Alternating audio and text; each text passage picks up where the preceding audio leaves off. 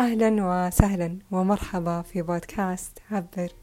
في هذه الحلقة أبغى أتكلم عن التركيز. أي شخص مهتم بأنه يقرأ عن تطوير الذات؟ غالبا حتلاحظ بأنه دائما يقولون لك ركز أوكي؟ ركز ركز ركز. أنت إيش قاعد تفكر فيه الآن؟ ذهنك ورايح لفين؟ ودائم حيقولون لك أن أفكارك هي تعكس واقعك وأن أفكارك هي تحدد مشاعرك. فإذا أنت كنت تفكر بأفكار تجيب الغضب حتغضب.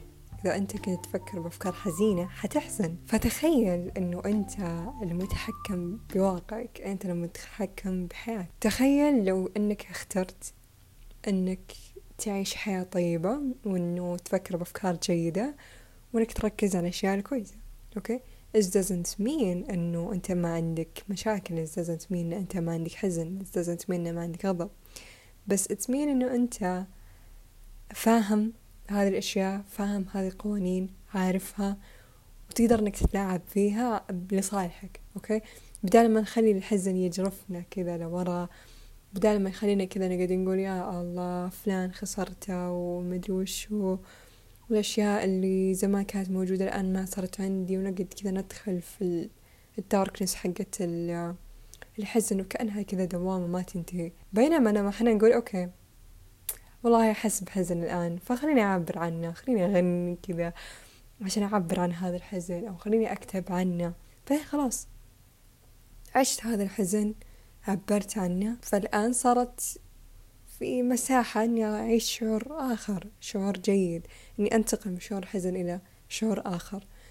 بس لما أنا أكون شخص مو مستوعب بأنه في شيء اسمه أنك تقدر تتحكم بأفكارك. فوش حسوي؟ بقول خلاص الحياة أساسا كذا نانا وقد أتحلطم ولا أقعد أهرب من حزني وأصير مو عارفة كيف أتعامل مع مشاعري بس لما شخص يكون يعني يدرب حاله كل يوم إنه يتحكم بأفكاره وإنه يراقب هذه الأفكار وإنه يستوعب إن أفكاره هي نفس السحابة اللي تمشي okay؟ فالكل اللي عليه إنه هو يراقبها. كل اللي عليه إنه okay خلينا نحس بهذه المشاعر واسمح لها إنها تمشي. فإنك تسمح okay؟ إنك تسمح للمشاعر الثقيلة إنها تمر. فهذا الشيء حيعطيك قدرة على إنك تركز على الأشياء الكويسة بحياتك. حيخليك قادر أنك توجه أفكارك. حيخليك قادر أنك لما تمر في مرحلة صعبة تقدر كيف تعبر منها تعبر من خلالها. فقبل كم يوم نزلت بوست وقلت يعني هي كتابة فكتبت فيها الاستمرارية في فعل ما تحب. بعدين فيها تكملة الفكرة هذه لو تلاحظون أنا دائما أقولها ترى في البودكاست أنك تسوي أشياء أنت تحبها.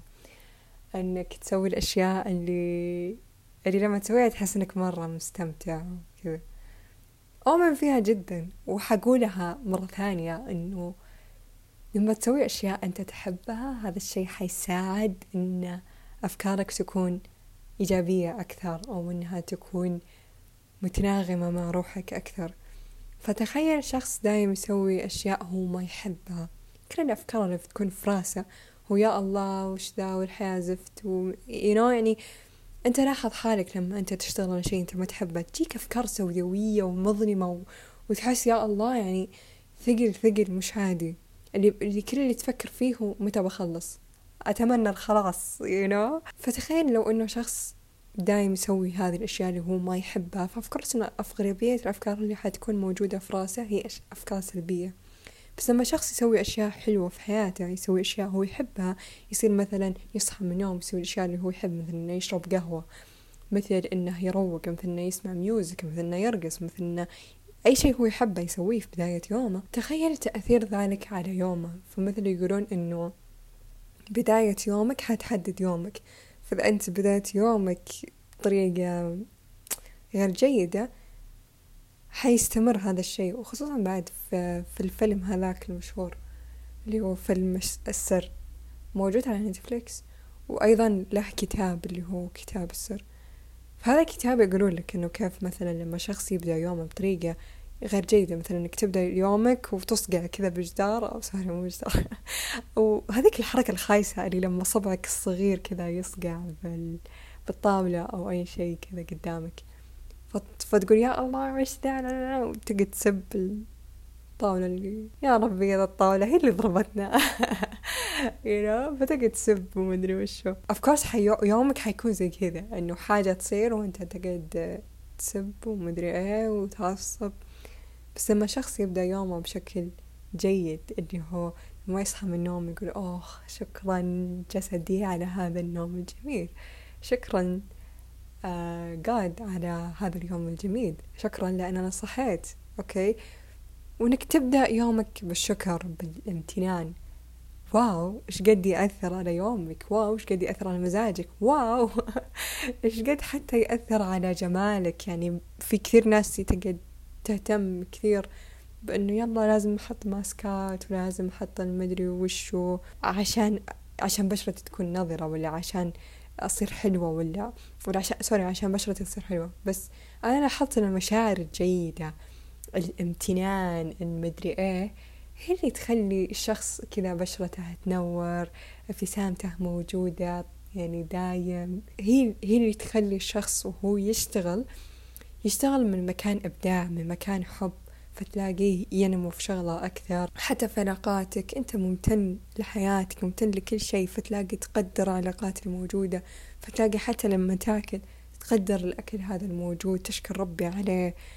فحتى لما تمشي تستشعر عظمة إنك قادر إنك تمشي. فكل هذه الأشياء تبدأ إيه؟ تبدأ من أفكارك. تبدأ لما توجه أفكارك إلى الامتنان. تبدأ لما توجه أفكارك إلى إنك تشوف الأشياء الكويسة في حياتك. فبدل ما اقعد أسب فهاوتي لأني صقعت كذا على الطاولة في بداية يومي.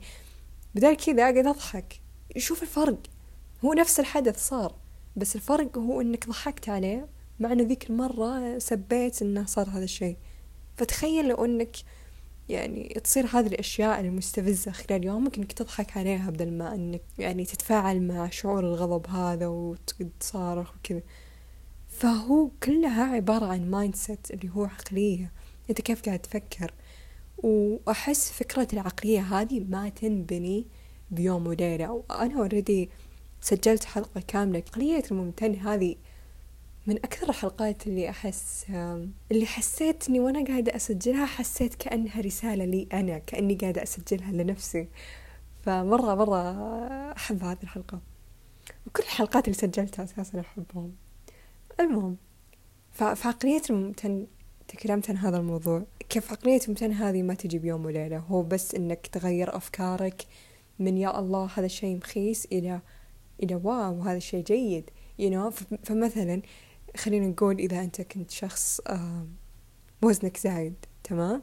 فبدل ما تقعد تعصب يا الله عشان أكلت كثير ذي الفترة عشان كذا سمنت وعشان كذا أنا ما تحركت كثير عشان عندي دوام عندي شغل did you see لما تقعد تركز على هذه الأفكار لما تجي تتمرن اللي من أول ما تبدأ تمرين وأنت قاعد تقول يا الله متى يخلص بقى؟ متى تمرن عشر دقايق؟ you know متى تمرن ما أدري وشو. بس لما الواحد يقعد يقول أوكي أنا أبغى أهتم بجسدي you know أبغى أهتم بنفسي. فيبدأ يتمرن من الدافع هذا إنه أنا أبغى أهتم بنفسي أبغى أهتم بجسدي. وأنا شاكر وممتن لهذا الجسد. الفرق هائل. الفرق إنه هذاك الشخص لما يجي يتمرن حيتمرن بكل استمتاع بكل يسر وسهولة. بينما الشخص الآخر اللي اللي يسويها بس عشان يلا أبغى أنحف ويلا متخلص الوقت ويلا وأساسا أنا مشغول و you know. هذا الشخص ما حيكمل أوكي هذا أول شيء. الشيء الثاني ما حيستمتع بال بالتمارين ولا حيسوي. يعني حتى تأثير ذلك يعني يا ليتها بس على نفسك وأنت قاعد تأثر حتى على الآخرين لما أنت يكون قاعد تسوي الأشياء اللي في حياتك بدافع حب. هذا الشيء حتى يأثر على الآخرين الناس الموجودة فيك. آه بالنهاية إحنا كائنات حساسة فنقدر نحس طاقة الشخص اللي قدامنا. كثير أحيانا حنا لما تجينا أفكار سلبية ونتناغم معاه ونمشي كذا وراها وتجرفنا تجرنا وراء دوامتها إحنا نظن إن هذا التأثير بس علينا you know بس أنا اللي قاعدة أحس بالغضب. بس it's affect people أيضا. يمكن وأنت كذا تسمعني تبدأ تلاحظ إنه أوه والله حتى فلان دايم يتحلطم وحتى فلانة بس تتحلطم من هذه الأشياء وزي كذا. أحب أقولك إنه لا تقعد تحكم مع الآخرين وتقعد تقول يا ربي ذولي سلبيين ولا ذولي يتحلطمون ولا ذولي يركزون على أفكار سلبية. لا. أبغى يعني بهذه الحلقة أبغاك تركز على نفسك أكثر لأنه دائما لما شخص يتعلم حاجة يصير يلاحظها بالآخرين. فاللي أبغى أقول لك إنه لا focus about أفكارك أنت. ركز على أفكارك أنت لاحظ راقب. آه خليك كذا في خلال يومك خليك مستيقظ خل عقلك الواعي منتبه okay؟ إنه مثلا لما لما تعصب لاحظ أفكارك. وش الأفكار اللي أنت تفكر فيها؟ آه لما أنت تسوي المديتيشن ركز على أفكارك. إيش قاعدة تقول؟ إنه يا ربي خلاص يا أخي وش الفايدة؟ نا نا نا did you see? لما تقعد تراقبها وكذا وتخليها تمر من خلالك حتعبر. بس لما تقاومها ولما تحكم عليها إنه يا ربي الفكرة هذه سلبية أو الفكرة هذه مدري إيه حتقاومها. ولما تقاوم شيء يعني نفس فكرة لما النهر الجاري خلينا نقول قاعد يمشي للأمام تمام؟ هذا أفكارك زي كذا تمشي للأمام. فلما مثلا تجي فكرة سلبية وهي قاعدة توجه للأمام وانت تصير تقول لا هذه فكرة سلبية لا لا لا أبغى أشيلها أبغى مدري وشو. تصير كأنك تاخذ هذه الفكرة من الشمال إلى الجنوب أوكي؟ وهي سيرانها إلى الشمال. فهذا يعني إن أنت قاعد تمشي وراء عكس التيار. بس لما تخليها تمشي كذا وتروح هذا الأفضل. بس لما تقاومها وتحكم عليها ومدري إيه لا ما يمشي الموضوع زي كذا. بالعكس حتزداد. فالآن حنتكلم عن فكرة حتزداد هذا أي شيء أنت تركز عليه حيزداد. نفس بالبداية لما قلنا إنه لما الواحد يركز الأفكار الكويسة على الامتنان ومدري إيه كيف إن هذا الشيء يبدأ يزيد لدرجة إنه حتى لما تاكل تكون ممتن حتى لما تقرأ كتاب تصير ممتن. أوه ممتنة لهذا الكتاب الحلو اللي أنا قاعدة أقرأ. ممتنة للوقت اللي أنا حطيته إني أقرأ. ممتنة زي كذا. فتبدأ تلاحظ حتى خلال يومك مثلا لما شخص يبتسم لك تحس إنه أوه ماي جاد أنا مرة ممتنة إني أنا استقبلت الابتسامة الحلوة هذه. You know فحتى لما مثلا حد يكلمك ويقول لك كلام حلو تصير ممتن إنه زي كذا. فتبدأ أفكارك تدور الأشياء الحلوة you know يعني يصير في أفكارك تدور الأشياء الجيدة اللي أنت ممتن عليها. فهذا الشيء حيزيد بحياتك. بس لما بس لما تروح لمكان وتقول قبل ما تروح لهذا المكان تصير تقول يا الله مالي خلق أواجه هذول الناس. هذول الناس أساسا كذا. وتقعد كذا تتحلطم على هذول الناس إنك ما تبغى تقابلهم. لما تروح يعني مثلا يمكن تتحلطم لأنهم آه، سخيفين مثلا أو ثقلين دم. لما تروح لذا المكان كل اللي بتلاحظه هو سخافتهم وثقالة دمهم حرفيا. ليش؟ لأنه هذا التركيز كان على هذا الأشياء إنه أوه أنا ما أحب هذا الشيء فيهم. بس عكس مثلا لما تروح تصير تقول okay صدق إن أنا ما أروح هذا المكان وما مرة يعجبني ومدري وشو. يمكن حتى يكون دوامك. فتصير صدق إن هذا الشيء أنا مثلا مو مرة أحبه ومدري وشو. بس it's okay على الأقل فيه آه، فلان اللي أنا مرة أحبه. بس على الأقل فيه أكل حلو يقدمونه. بس على الأقل هذا الوقت يمديني مثلا آه مثلا بوقت ال break يمديني أقعد أقرأ ولا أقعد أسمع لي بودكاست الفرق هنا إنه yes الوضع اللي أنت بتروح له هناك يمكن مو مرة عاجبك بس إنك قادر على إنك تخلق فيه أشياء تعجبك. Did you see هذا ترى مرة قوة بالنسبة لي يعني قوة ذهنية عالية هو إنه مثلا مكان زي الجحيم حرفيا وتحوله إلى جنة من خلال أفكارك من خلال إنه okay تبدأ يعني الأفكار تجر بعضها. فمثلا فكرة إنه okay هذا المكان مو حلو بس أنا بقعد فيه لمدة خمس سنوات. ف okay في break ال break هذا يمديني مثلا أسوي أشياء أنا أحبها إني أقرأ مثلا. أو أوه في فلان هذاك مرة interesting خليني أتعرف عليه. أو أوه يا أخي في شيء مرة حلو بالشغلة الفلانية هو لما مثلا أكتب. لما يطلبون مني إني أكتب. أو أوه مرة حلو لما مثلا يطلبون منا إن حنا ننتقل إلى مكان آخر أو نسافر أو أو نروح لمكان كذا مختلف عن مكان الدوام you know, you know. فتبدأ الأفكار تجر بعضها أيضا حتى تجيك إلهامات. تجيك الإلهامات إنه أوه خليني أخترع هذا الشيء أو خليني أبتكر هذا الشيء. أو إنه أطلب من الناس اللي معي لأنهم مو عاجبيني أصير أطلب منهم إنه أوه جايز إيش رأيكم مثلا نسوي الشغلة الفلانية الشغلة الفلانية اللي أنت مرة تحبها. فتصير يعني تجيك إلهامات عليها ليش لما أنت بدأت تركز على الأشياء الكويسة. بس لما تصير مركز الأشياء السلبية اللي في دوامك ما حتجيك الأفكار الإلهامية هذه إنك تحول المكان هذا إلى مكان أفضل. أيضا أبغى أقول حاجة إنه كل مكان حنا فيه صدق إنه يكون مثلا مو عاجبنا ولا مثلا أنت مع أهل مثلا مو عاجبينك مستفزين بالنسبة لك نا نا نا نا. أنت أعرف إن المكان اللي أنت فيه لك له رسالة. في شيء أنت لازم تتعلمه وأي شيء يستفزك of course إنه في رسالة من جواه في كتاب قاعدة أقرأ اسمه أرى بوضوح الآن لواين داير صراحة الكتاب عجبني و... وفكرة إني أنا قاعدة أقرأ لشخص له خبرته في الحياة له له رحلته الخاصة فيه. شيء صدق رهيب. فمن ضمن الأشياء اللي فكرة الكتاب هي إنه كيف إنه يجيب قصة صارت له في حياته بعدين يقعد يقول أنا الآن قاعد أشوف بوضوح ليش هذا الشيء صار. زي كذا. فالفكرة من الكتاب هو إنه يقول قصص ويقعد يقول إنه الآن آه يعني كيف قاعد يشوفها. الآن وش الأشياء اللي استوعبها من هذه القصة. وغالبية القصص اللي قالها يا الله إيش قد صعبة؟ إيش قد يعني حتى هو كان يعبر انه إيش قد كانت مستفزة بالنسبة له كيف إنه لما كان في مكان هو كان يداوم آه، بعسكرية وكيف إن هذا الشيء كان مستفز بالنسبة لك خصوصا كشخص كان يؤمن بفكرة الحرية أو فكرة إنه شخص يكون له كيانة يكون له آراءة. فهذول قاعد يقولون لك متى تاكل متى تنام متى المدري وشو.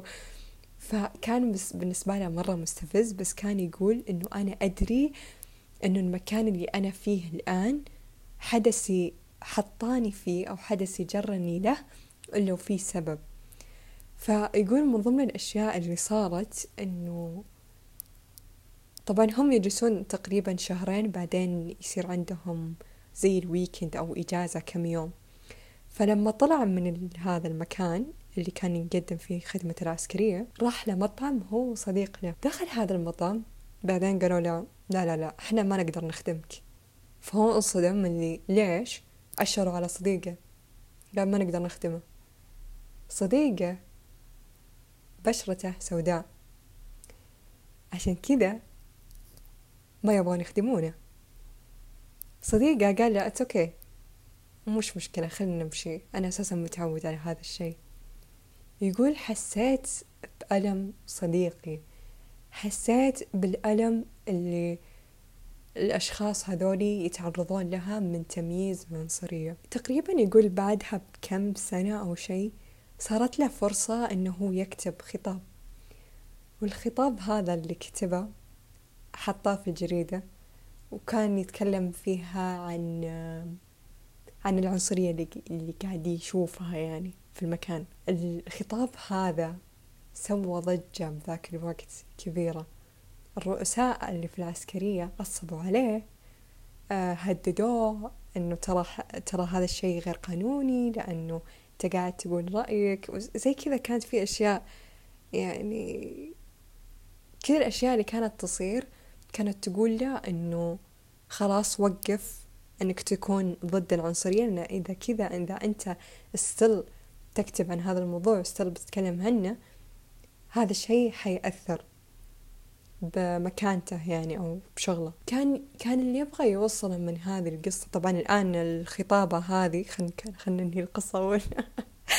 الخطابة هذه حدثت تغيير رهيب وكيف إنه تخيلوا إلى الآن الكلام اللي هو كتبه عن العنصرية اللي موجودة ومدري إيه.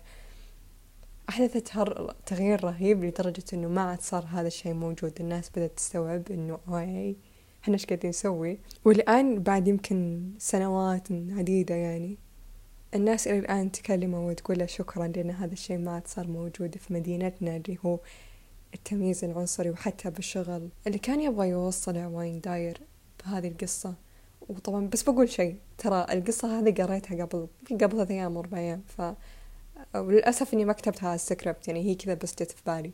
فيمكن تكون بعض الأشياء اللي أنا قلتها غلط بس مو مهم. المهم هو الخلاصة أو الأشياء اللي ممكن نحن نستفيد منها في القصة. اللي كان يبغى يوصل واين داير إنه أحيانا تكون في أماكن أنت ما تبغى تكون فيها.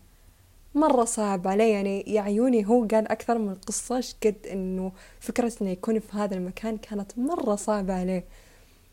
خصوصا بشخصيته خصوصا يعني هو كاتب وعنده خيال جميل وعنده عالمه الخاص ومدري إيه. بعدين توديه لهذا المكان.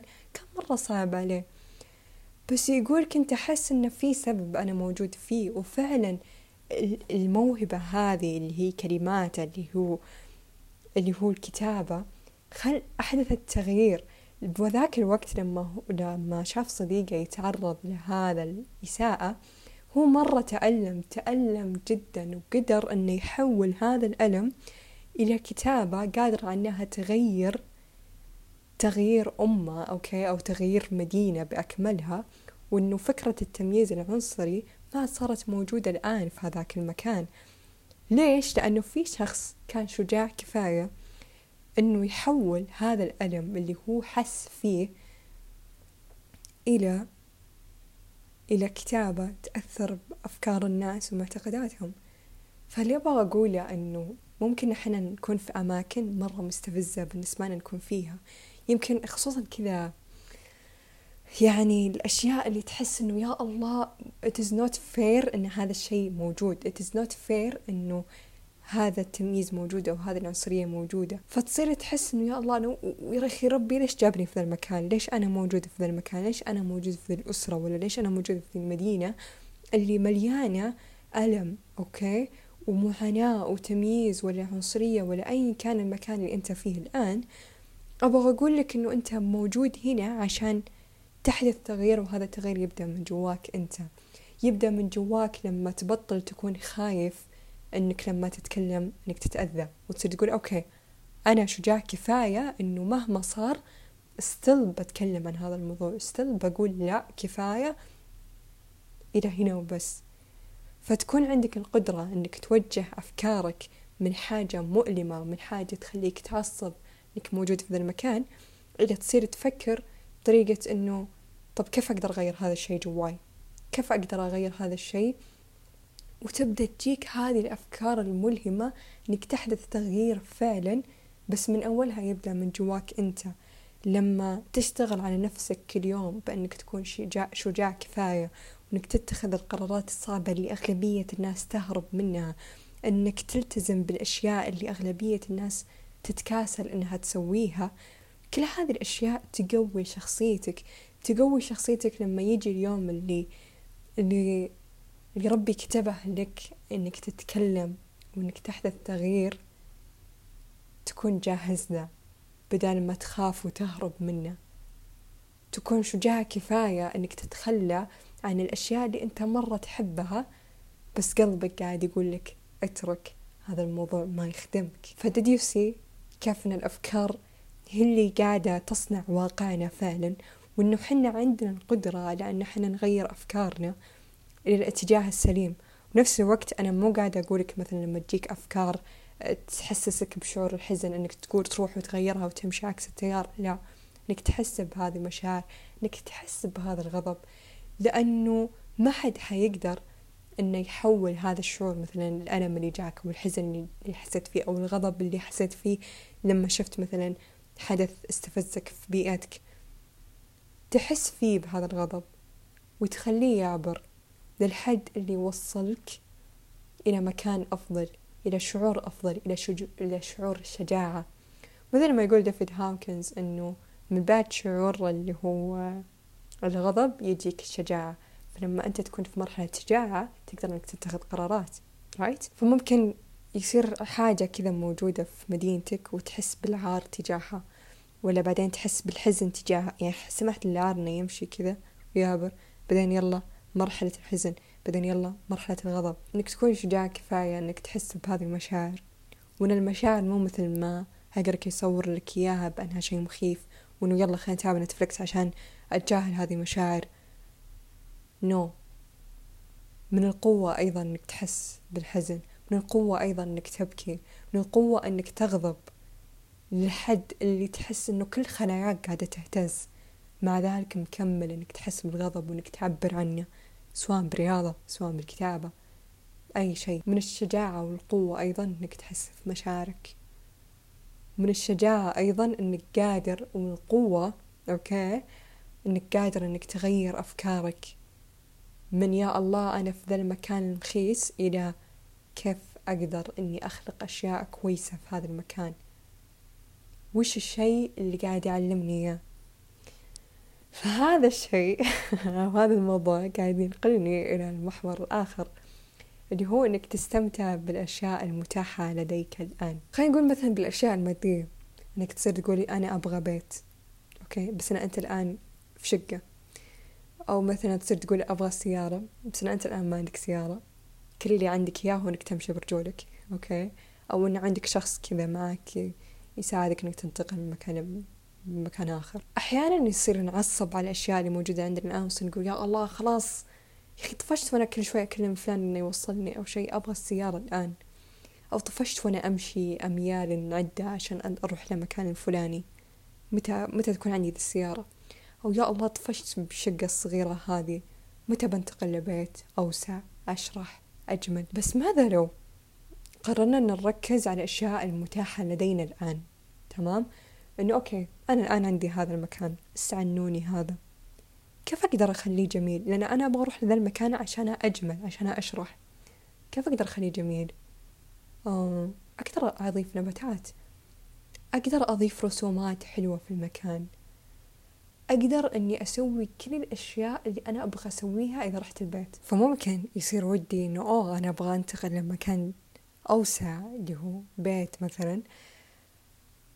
عشان إيه؟ عشان يصير عندي غرفة رياضة أو غرفة الجيم. طب بالمكان اللي أنا موجودة فيه الآن بالشقة الصغيرونة الحلوة هذه أنا عندي قدرة إنه أحط mat okay وشوية dumbbells كذا وأبدأ أتمرن. فبدل ما أقدر أقول خلاص أنا ما أقدر إني أتمرن الآن إلا لما أنتقل للمكان الأوسع عشان أقدر أتمرن هذا الشيء ما حيصير. ليه؟ لأن أنا إلى الآن ما استخدمت الأدوات اللي عندي. See مثلا بال بالألعاب إنه عشان تنتقل okay من مرحلة لمرحلة أخرى أنت تحتاج إنك تستخدم الأدوات اللي موجودة عندك إياها الآن. وإنك تستخدمها وتكون قادر إنك تتعامل معاها. فنفس الشيء مع ال universe إنه إذا أنت استخدمت الأدوات اللي موجودة الآن أوكي واستخدمتها بشكل جيد لصالحك وإنك قدرت إنك تستخدمها بطريقة مبدعة تمام؟ بطريقة إنه إنك مثلا نفس فكرة الطبخ. أحيانا تكون عندك خضروات معينة بهارات معينة تقدر إنك تسوي فيها طبخة.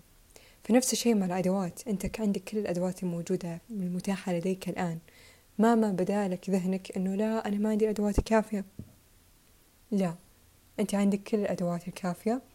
عندك الطاقة اللي أنت تحتاجها عندك المادة اللي أنت تحتاجها عندك الأفكار اللي أنت تحتاجها عشان تسوي أفضل ما عندك عشان تقدم أفضل ما عندك عشان تعطي إشارة للكون إنه هاي أنا قاعدة أسوي أفضل ما عندي الآن وإن أنا أستاهل إني أنتقل لمرحلة أفضل إلى مرحلة جديدة إني أنتقل من شابتر إلى شابتر جديد من فصل إلى فصل آخر. أوه ما عندي سيارة الآن بس الشخص اللي معاي اللي يوصلني مرة ممتع إني أسولف معاه مرة ممتع إن إحنا نتكلم سوا إن إحنا نشغل أغاني ونرقص سوا. ممكن في البداية تحس بالحزن تحس بالغضب إنه أنت ما عندك هذا الشيء. ممكن وطبيعي إنك تحس بالغضب والحزن لأن ما عندك هذا الشيء اللي أنت تبيه. أسمح لنفسك إنك تحس في هذه المشاعر عشان بعد ما تمر هذه المشاعر كغيمة تصير في مساحة إنك تبتكر أشياء كويسة إنه أوه أنا أقدر إني أسوي هذا الشيء أوه أنا أقدر أسوي هذا الشيء. أنا أقدر أستخدم هذه الأداة بإني أسوي هذا الشيء اللي أنا أبيه. زي كذا. فإنك تستخدم الأدوات اللي موجودة عندك إياها الآن حتى لو إنه مو عاجبتك كثير وإذا حسيت بالغضب تجاهها it's okay. Feel it. لين ما خلاص. يروح منك حسه بكل خلاياك. فبس هذه هي يعني السر للأشخاص العظماء اللي إحنا قاعدين نشوفهم اليوم اللي كيف مثلا كانوا فقراء والآن صاروا من أغنى الناس ومدري وشو. هذول الناس استخدموا الأدوات اللي موجودة عندهم. مثل ما يقول لك واحد إنه كان في بزنس ناجح مرة بعدين استكشفوا إنه قصته كانت إنه هو أساسا ما كان عنده ولا ريال بس قدر إنه يسوي هذا البزنس فالقصص هذه بس عشان تعلمك إنه هي ترى تقدر تستخدم تقدر إنك تحقق أي شيء أنت تبغاه. مهما بدالك إنه لا هذا الشيء مو عاجبني لا الجودة مو مرة عجبتني لا ما أدري وشو. عشان يرجال يتجلى لك. هذه يعني قريتها صراحة بتويتر وما أدري من مين. عشان يتجلى لك الغير متاح لابد إنك تستخدم المتاح. فأيضا بعد في ثريد على تويتر قريته مرة عن نفس الموضوع إنه استمتع بالأشياء اللي عندك إياها الآن بدل ما تفكر إنه أوه خلاص إذا صار هذاك الشيء موجود حستمتع you know? لا استمتع فيه من الآن هذه الأفكار حتس حتسترجع فيها سيادتك الذاتية قوتك الذاتية وانك تلاحظ وتراقب وتكون صاحي ومستوعب الأشياء اللي موجودة عندك إياها الآن. والموضوع يحتاج تدريب ذهني صراحة. آه، الموضوع ما يحصل كذا بيوم وليلة. بس مرة ممتع يعني طريق أنك تدرب ذهنك طريق مرة ممتع خصوصا إذا أخذته بسهولة إذا أخذته بيسر. ولا تضغط على نفسك لا تعصب لما أنت تحس بحزن لا تعصب لما تحس بمشاعر سلبية ولا عشانك تفكر بطريقة سلبية. It's okay. عادي هذه جزء بعد من الحياة. هذه هي حلقتنا لهذا اليوم. استمتعت صراحة وأنا أعبر عن هذا الموضوع. أتمنى أن أوصل لقلوبكم من حقيقة أحس إني قاعدة أتكلم من كل أعماق قلبي من كل خلاياي ف يا شكرا. آه، إذا عجبتك هذه الحلقة تقدر إنك تشاركها مع الآخرين. عشان نقدر إن إحنا نساعد أكثر عدد ممكن. like subscribe إذا كنت تسمعني على اليوتيوب. follow me على حساباتي بال social media. قيم هذه الحلقة على منصات البودكاست